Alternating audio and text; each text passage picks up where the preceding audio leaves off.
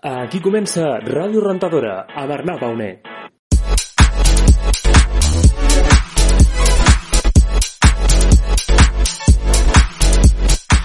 Bon dia, amics i amigues. Soc l'Arnau Pauner i us dono la benvinguda a Ràdio Rentadora una setmana més.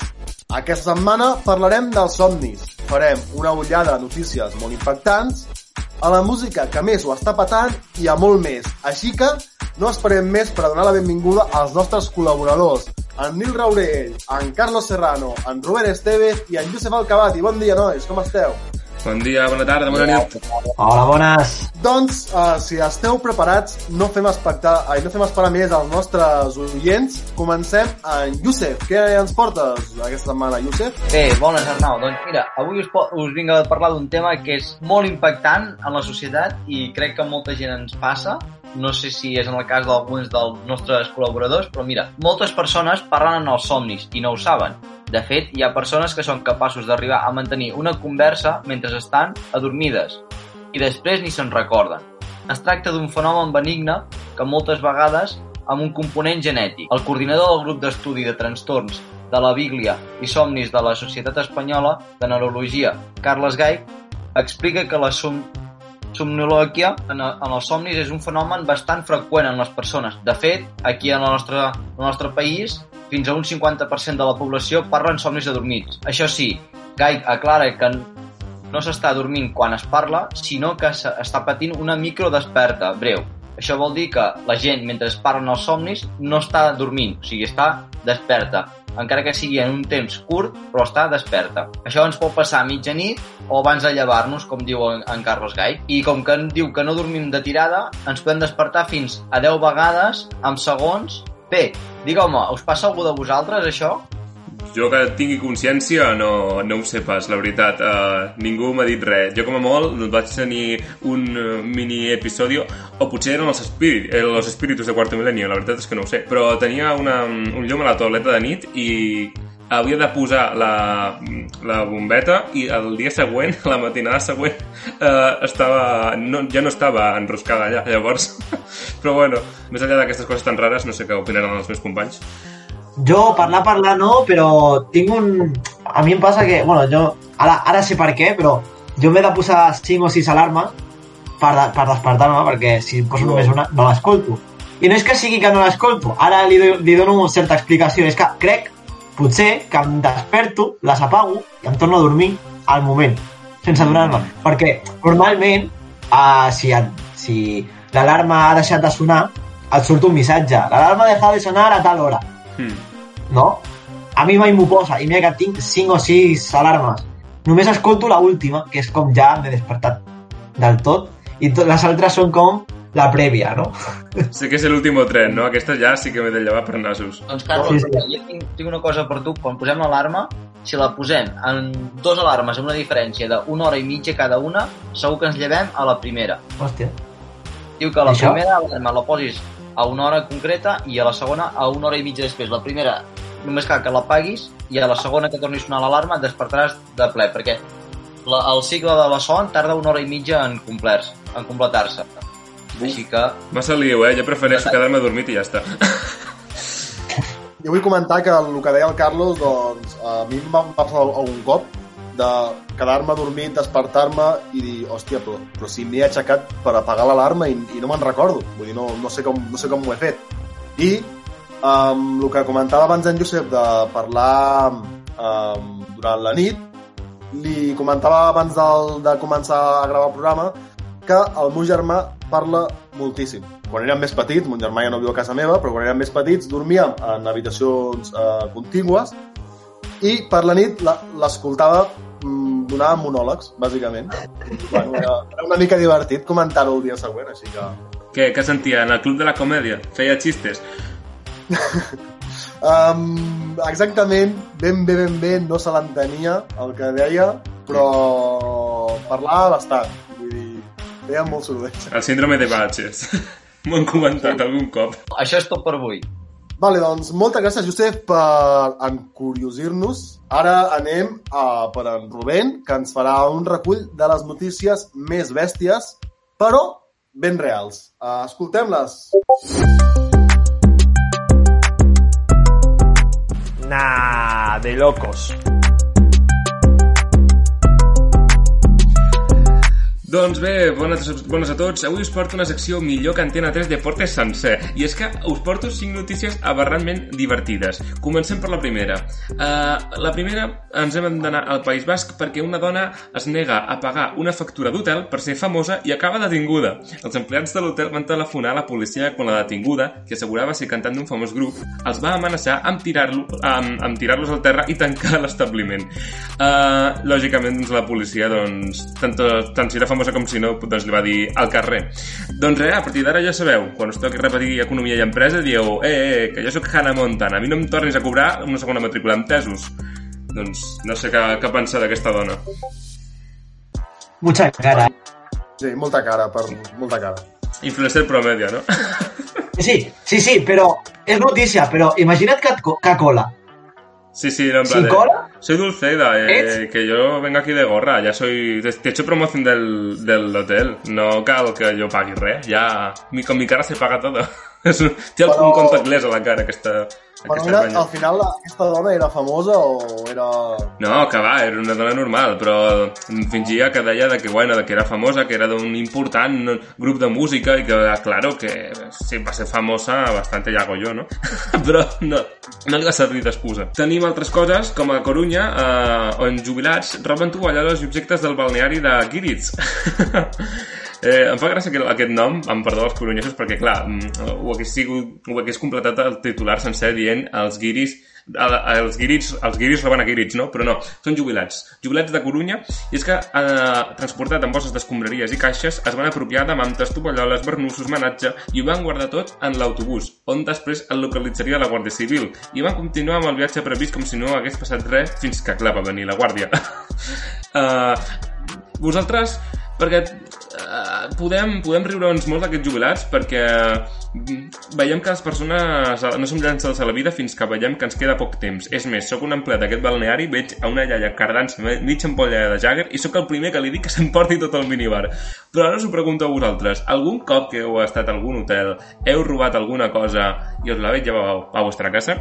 Jo, per la meva part, no, però sí que és veritat que als molts hotels et deixen uh, ampolles o cosetes així de cortesia. Aquests avis s'ho van, pres, s'ho van prendre en sèrio, eh? Sí, sí, déu nhi jo us haig de dir que he vist gent robant tovalloles i xancletes de- d'hotels. Mm, Jo, per la meva part, gaire, gaire, eh? Mm, com a molt tinc una tovallola del Tripoteles a mi casa, però no perquè jo ho vaig fer, sinó que perquè el meu pare a vegades li, li agrada aquesta...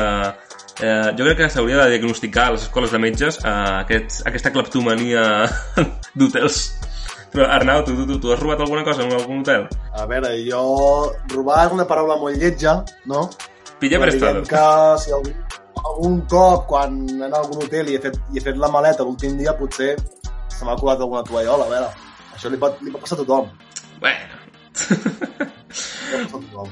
Doncs bé, uh, això segur que la següent notícia segur que no, no li passa a qualsevol i és que a Betanzos, a Galícia també, a, Déu meu, a Galícia estan que, que ho peten últimament i és que un menor gallec fa un testament en complir 14 anys com a regal d'aniversari i és que l'edat mínima per poder fer el testament és a partir dels 14 i ja només el primer dia que va fer els 14 anys aquesta persona, aquest nen, va anar uh, junt amb el seu pare uh, a la gestoria perquè la iniciativa va partir del seu pare que és gestor de professió, que va sospitar la idea de que el seu fill eh, potser en el futur no es veiés embolicat en conflictes com els que ell ha conegut durant la seva trajectòria, precisament en casos on les desgràcies es veien agreujades per l'absència de testaments amb les consegüents disputes familiars. Doncs la gent es riurà d'aquest nen, però jo t'ho dic que és un visionari. És més, jo també en tinc fet un testament des dels 16 anys, perquè ja sabeu el dit, que la facultat et prepara per a la mort, aquestes coses. Algú de vosaltres ha fet algun testament o té pensat fer un testament a curt plaç? De moment no, sincerament. Jo és que per posar, no sé, la, la Game Boy, el testament, com, com Jo sí segur que que- fer aquest nen, doncs potser no, no, no va falta, no? Però Rubén, tu, si vols els meus, ta els meus tazos, jo te lo doy. Jo te los doy. Tot pa ti. A què, què, queda dit, aquest és el meu testament, si jo moro, els tazos que tinc aquí guardats de quan era, petit, per tu per sempre. Sí, si jo obro el teu testament, Carlos, em tindré deptes, no? Que si no no l'obro. Tampoc, tampoc. Doncs sí, teniu raó en, aquest, en això que dieu, i és que, a veure, testaments, un testament amb 14 anys que pots dir, eh, tinc els jocs de la PS4, els còmics, poc més, vull dir que tampoc és un testament pot, portentoso. Però bueno, uh, no sé, millor prevenir que curar, en fi. Tenim altres notícies, com per exemple Carolina, Carolina del Sur, als Estats Units, on, eh, ja flipareu, no diré res més tret del titular, surt de l'armari després de 20 anys liderant una teràpia per a curar la homosexualitat. és increïble. Uh, aquesta, aquest paio té nom i cognoms, és McCray Game, ha estat durant 20 anys el líder de Hope for Wellness, que és una de les majors organitzacions de teràpia per curar la homosexualitat a Carolina del Sud, als Estats Units. No obstant això, va ser expulsat de la mateixa en revelar que ell mateix era gay. Aquí ja no fa falta ni res, Mate, que vols que et digui. La millor comèdia d'aquest món es diu vida. Millor més tard que mai reconèixer les coses, també t'ho dic.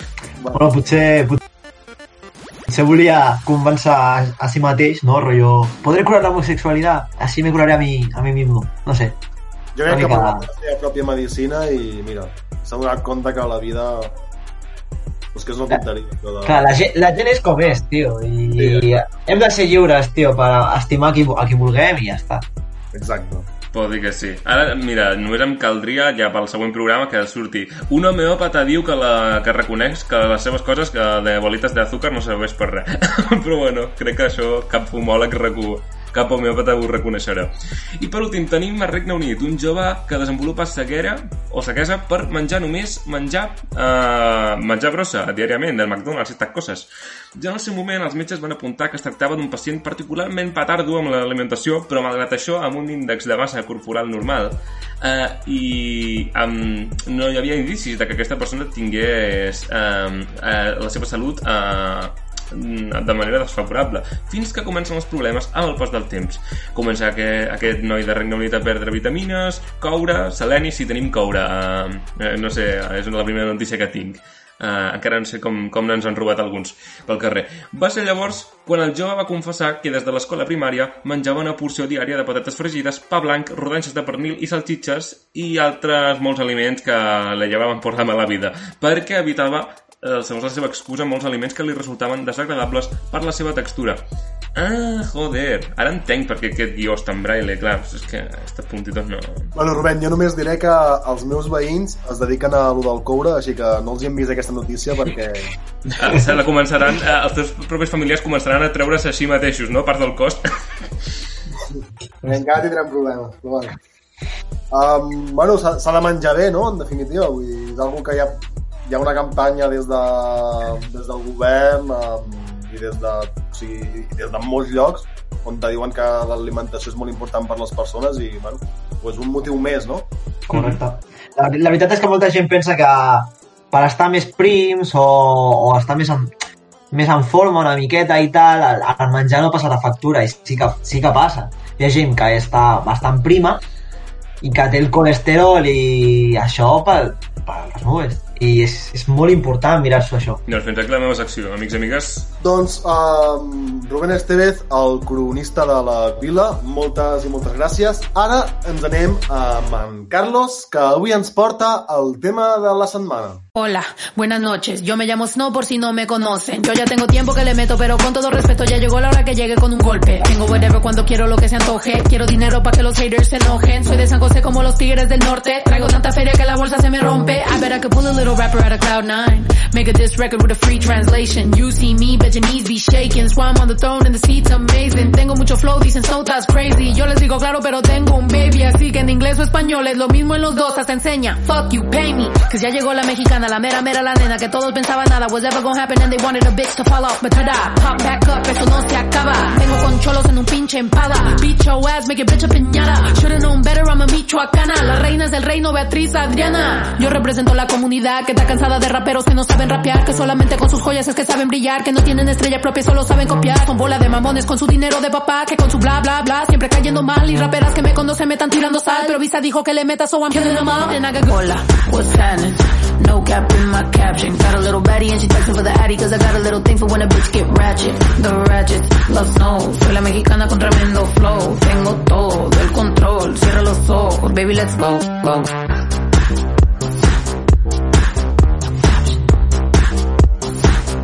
Quin és aquest tema, Carlos? Doncs sí, bueno, mira, El productor argentí Gonzalo Conde, comúment conegut com a Bizarrap, va tornar a marcar una fita en la seva curta però fulgurant carrera. L'artista va publicar la sessió número 39 de les seves Bizarrap Music Sessions al costat de l'artista mexicana-americana Snow the Product. I novament va marcar un rècord de visualitzacions en menys de 20 hores va aconseguir les 5 milions de views al seu canal de YouTube. El nou llançament de, del beatmaker oriund de Ramos Mejía en el conurbà de Buenos Aires ràpidament es va situar com la principal tendència de YouTube a la majoria dels països llatino- llatinoamericans, fet que va ser celebrat per tots dos artistes en els seus respectius comptes d'Instagram. A la sessió, Snow the Product eh, sorprèn amb la seva versatilitat, la seva velocitat i el seu virtuosisme a l'hora de rimar tant en anglès com en castellà, tret particular propi de la seva doble nacionalitat com mexicana i nord-americana. Des del musical, Bizarrap eh, continua explorant un so passat, amb sintetitzadors robustos i una potent base drapaire. Sobre el tram final de la cançó, el gust per l'electrònica del productor argentí floreix en un, en un tancament que sim, sembla perfecte per a qualsevol festa o esdeveniment no- nocturn. Bueno, doncs, uh, vaya temazo, no sé què en penseu Brutal. vosaltres, però jo segur que en la setmana següent i les següents setmanes acabarà de pujar i explotar del tot, perquè a mi em sembla una locura. Així que moltes gràcies, Carlos, per posar-nos al dia. I um, ja per acabar, ens anem amb en Nil. Què ens portes avui, Nil? Hola a tots i a totes. A veure, la setmana passada vam parlar dels Òscar i com que encara estem de ressaca cinèfila, avui us porto tres sagues de videojocs pels que us agraden les bones històries, perquè sí, també hi ha magnífics guions en el sector de l'entreteniment interactiu, així que comencem ja d'una vegada, no? Primer us parlaré de Uncharted, que és una saga d'acció plena de moments fantàstics. Va començar com a un videojoc relativament modest, però amb bones idees. Encarnem a Nathan Drake en les seves aventures arreu del món en la, en la recerca de tresors d'incalculable valor. Buscarem el Shambhala, el Dorado o un tresor pirata al més pur estil de Pirates del Caribe. Aquesta saga, que compta amb quatre entregues principals i un parell de spin-off, és una que no us podeu perdre si sou fans sobretot d'Indiana Jones o us vau quedar amb la Tom Raider, amb l'Angelina Jolie, no? amb, la, amb la Lara Croft. Espectacle, narrativa i acció a parts iguals. Podeu trobar-ne, a més a més, un recull de les tres primeres entregues, perquè això sí que us ho he de dir, és només les podeu trobar per PlayStation i les tres primeres són de la PlayStation 3, però van fer un recull de les tres primeres entregues amb la Nathan Drake Collection, que també la podeu trobar a PlayStation 4 i a PlayStation 5 si sou un dels afortunats que ja disposeu d'aquesta consola d'última generació. I el podeu trobar a qualsevol tipus de botiga, tant física com online. I la quarta entrega, que va sortir per PlayStation 4, que és la, el capítol final, ja us dic jo, ja us dic jo, que segur que si jugueu al primer podreu arribar fins l'última de totes. Recomanació, l'últim joc és espectacular. No vull dir res més. Continuem ara. Aquí, aquí m'he de posar una mica, us ho he de dir, he de dir la veritat, i és que sóc molt fanboy, perquè us parlaré de Metal Gear Solid.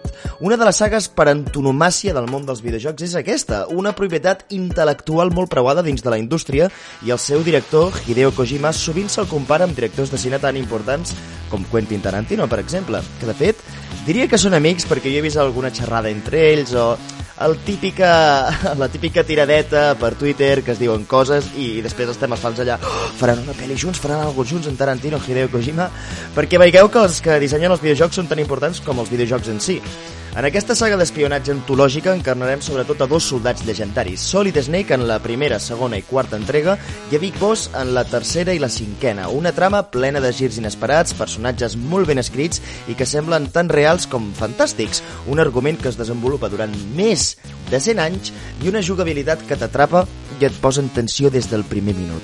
És un imprescindible si t'agrada el cinema de 007 i sobretot si t'agrada endinsar-te bé dins d'una bona història i densa. I acabarem, com no, parlant d'un altre videojoc japonès, Final Fantasy. Atenció, atenció, perquè aquí hi ha trampa. Ja que la saga compta amb més de 15 jocs només, només la, els, els videojocs numerats de la saga principal i innumerables spin-offs. Final Fantasy és d'aquelles sagues que fa vèrtic només començar-la, així que us ho posaré fàcil. Els que tenen més bona trama, en la humil opinió de la redacció, són la setena i la novena entrega. I em direu, a veure, són 15 jocs, només dos tenen bona entrega, hi ha, hi ha més jocs, hi ha més entregues que tenen bona trama, però per mi, la setena i la novena són entregues, són les més importants i són les que sobretot van marcar punts d'inflexió a la indústria. I és que, a més a més, no passa res si comenceu pel 7, pel 9, ai, què passa, per els altres 6, que... No patiu, no patiu perquè els videojocs no són correlatius, és a dir, passa tot en el mateix univers, però en línies temporals diferents, així que cada videojoc és únic, així que cap problema. Us començaré parlant del Final Fantasy VII, on encarnem a Cloud, un exsoldat que ara lluita a favor d'un grup ecoterrorista. Sí, sí, sí, ho he, ho he dit bé, eh? És com si Greenpeace de cops s'hagués aliat amb qui no toca. I la nostra tasca és salvar el món de les malvades empreses que volen apoderar-se de la força vital de la Terra. Tot passa en un món postindustrial, cyberpunk i sí, sí, si us sona friki, és que ho és, vale? és un joc japonès. A més, ara és un bon moment per jugar-lo, ja que fa poc va sortir un remake per consoles de nova generació que, mare de Déu, han fet un més que digne tribut a l'original que va sortir l'any 1997 ja, mare meva, com ha plogut i al Final Fantasy IX encarnarem a Gitan, o Zidane en la versió europea. Zidane, sí, ho he dit bé, Zidane com l'entrenador del Madrid, eh? aquell que el dia que, que es retirava del futbol li va fotre un cop de cap a Materazzi. Encarrarem a Gitan, una espècie d'home amb cua de mono a l'estil de bola de drac, i és la nostra feina salvar a una princesa de les mans de la seva mare, una reina malvada que només s'aprofita dels més dèbils. És interessant jugar aquest joc ambientat en l'època medieval perquè els personatges són dels més ben construïts i memorables de la història dels videojocs. I no ho dic jo, ho diuen molts experts i a més a més parla del sentit de la vida amb molts tipus de claus, des de l'humor, la sàtira, l'amor... Bé, un videojoc que us recomano, un videojoc molt tendre i alhora molt entretingut. I fins aquí la meva secció d'avui. No oblideu donar-hi un cop d'ull a aquestes recomanacions, a aquestes històries, si sou d'aquelles persones que ràpidament es queden amb, es, us, us quedeu embobats eh, amb, una, amb una bona història.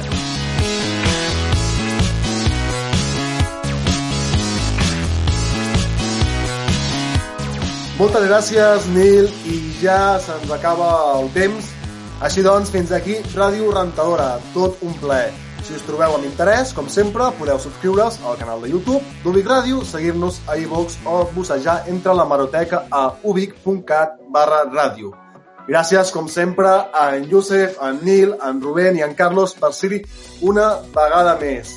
Us deixem amb un remix de Rasputin, de Boney AM i remesclat pel DJ Majestic. La setmana que ve, Rubicube, una hora d'en directe a partir de les 9 i mitja del matí i amb un convidat que us deixarà la boca oberta. A reveure, adeu nois! Adéu, adéu, adéu, Adéu, adéu, adéu. adéu. adéu.